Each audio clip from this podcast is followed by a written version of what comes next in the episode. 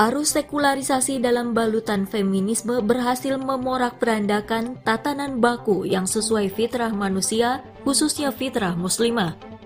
Pemisahan agama dari kehidupan terus berembus ke setiap sudut kehidupan rakyat Saudi Arabia. Ideologi kapitalisme kian mencengkram kebijakan dan pandangan penguasa Arab terkait kehidupan. Sahabat narasi pos media, inilah opini selengkapnya. Sekularisasi Saudi Arabia, Muslimah tak lagi mulia oleh Afia Rashad.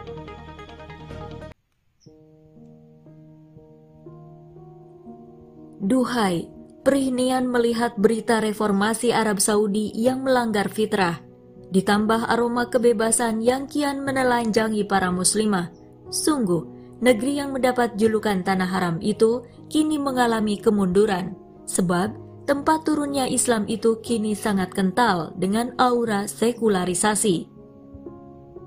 Ada tren baru di kalangan perempuan Arab Saudi. Setelah pemakaian hijab tak lagi diwajibkan, para perempuan Saudi ramai-ramai memotong pendek rambut mereka. Perjalanan reformasi Saudi Arabia terus berlangsung, padahal reformasi yang digagas akan membawa kemunduran berpikir bagi rakyatnya, terutama kalangan muslimah. Benar, kebijakan yang dibuat memang menyasar para muslimah. Bagaimana mereka di tahun 2018 mendapat hak mengemudikan kendaraan sendiri, kemudian menyusul kebijakan lain yang fokus pada kehidupan wanita. Pada pemerintahan Pangeran Mohammed, kewajiban muslimah memakai hijab dicabut. Para wanita Saudi Arabia diperbolehkan menonton olahraga dan konser, ada pula pelonggaran aturan perwalian, di mana para wanita diperbolehkan membuat paspor dan safar ke luar negeri tanpa mahram atau izin dari kerabat laki-laki. Sungguh, beberapa perubahan ini, terutama dicabutnya kewajiban berhijab bagi muslimah, adalah perbuatan yang justru menjauhkan muslimah dari kemuliaan. Arus sekularisasi dalam balutan feminisme berhasil memorak-perandakan tatanan baku yang sesuai fitrah manusia, khususnya fitrah muslimah. Pemisahan agama dari kehidupan terus berembus ke setiap sudut kehidupan rakyat Saudi Arabia. Ideologi kapitalisme kian mencengkram kebijakan dan pandangan penguasa Arab terkait kehidupan.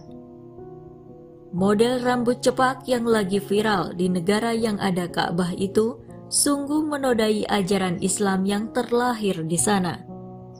Kapitalisme dengan akidah sekularismenya semakin terengginas, menjauhkan bangsa Arab dari napas Islam. Kesetaraan gender dan kuota kerja bagi kaum Hawa adalah kebijakan yang sangat menjauhkan muslimah dari fitrahnya.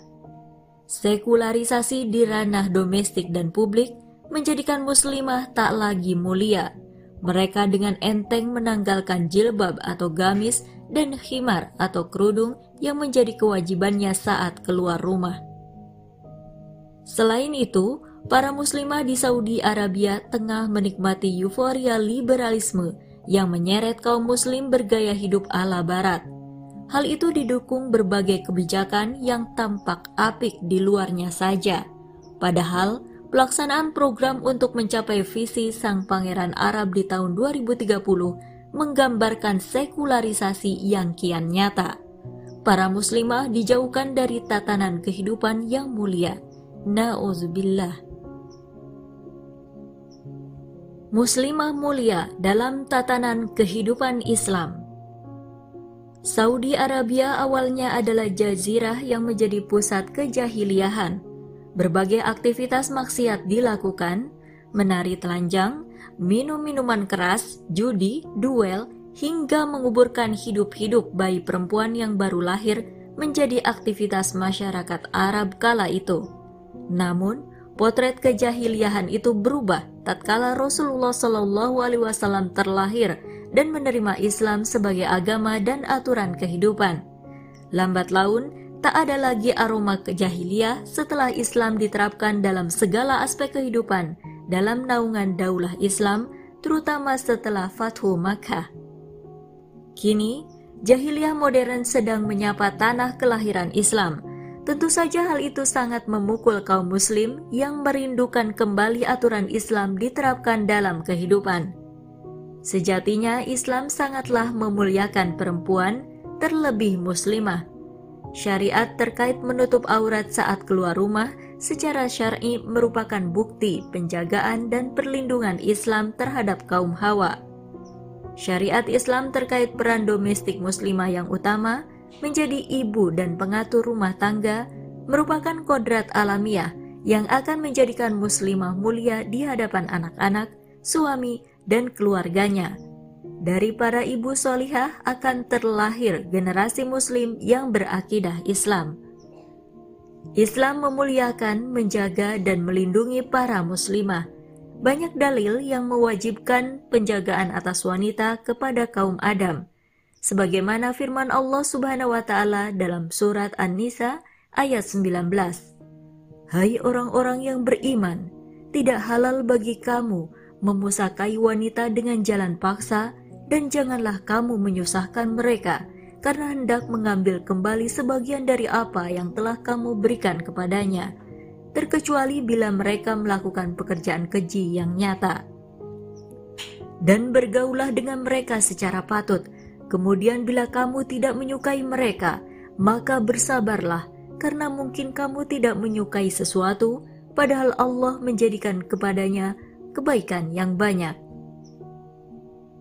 Sabda baginda Nabi Shallallahu Alaihi Wasallam pun nyata memerintahkan para laki-laki untuk berbuat baik dan memuliakan wanita, sebagaimana hadis yang diriwayatkan oleh Imam Muslim yang berbunyi, Aku wasiatkan kepada kalian untuk berbuat baik kepada para wanita. Sementara hadis lain diriwayatkan oleh Imam Tirmizi, sebaik-baik kalian adalah yang paling baik terhadap istrinya, dan aku adalah yang paling baik terhadap istriku. Betapa agungnya syariat Islam menjaga dan memuliakan wanita, terutama muslimah.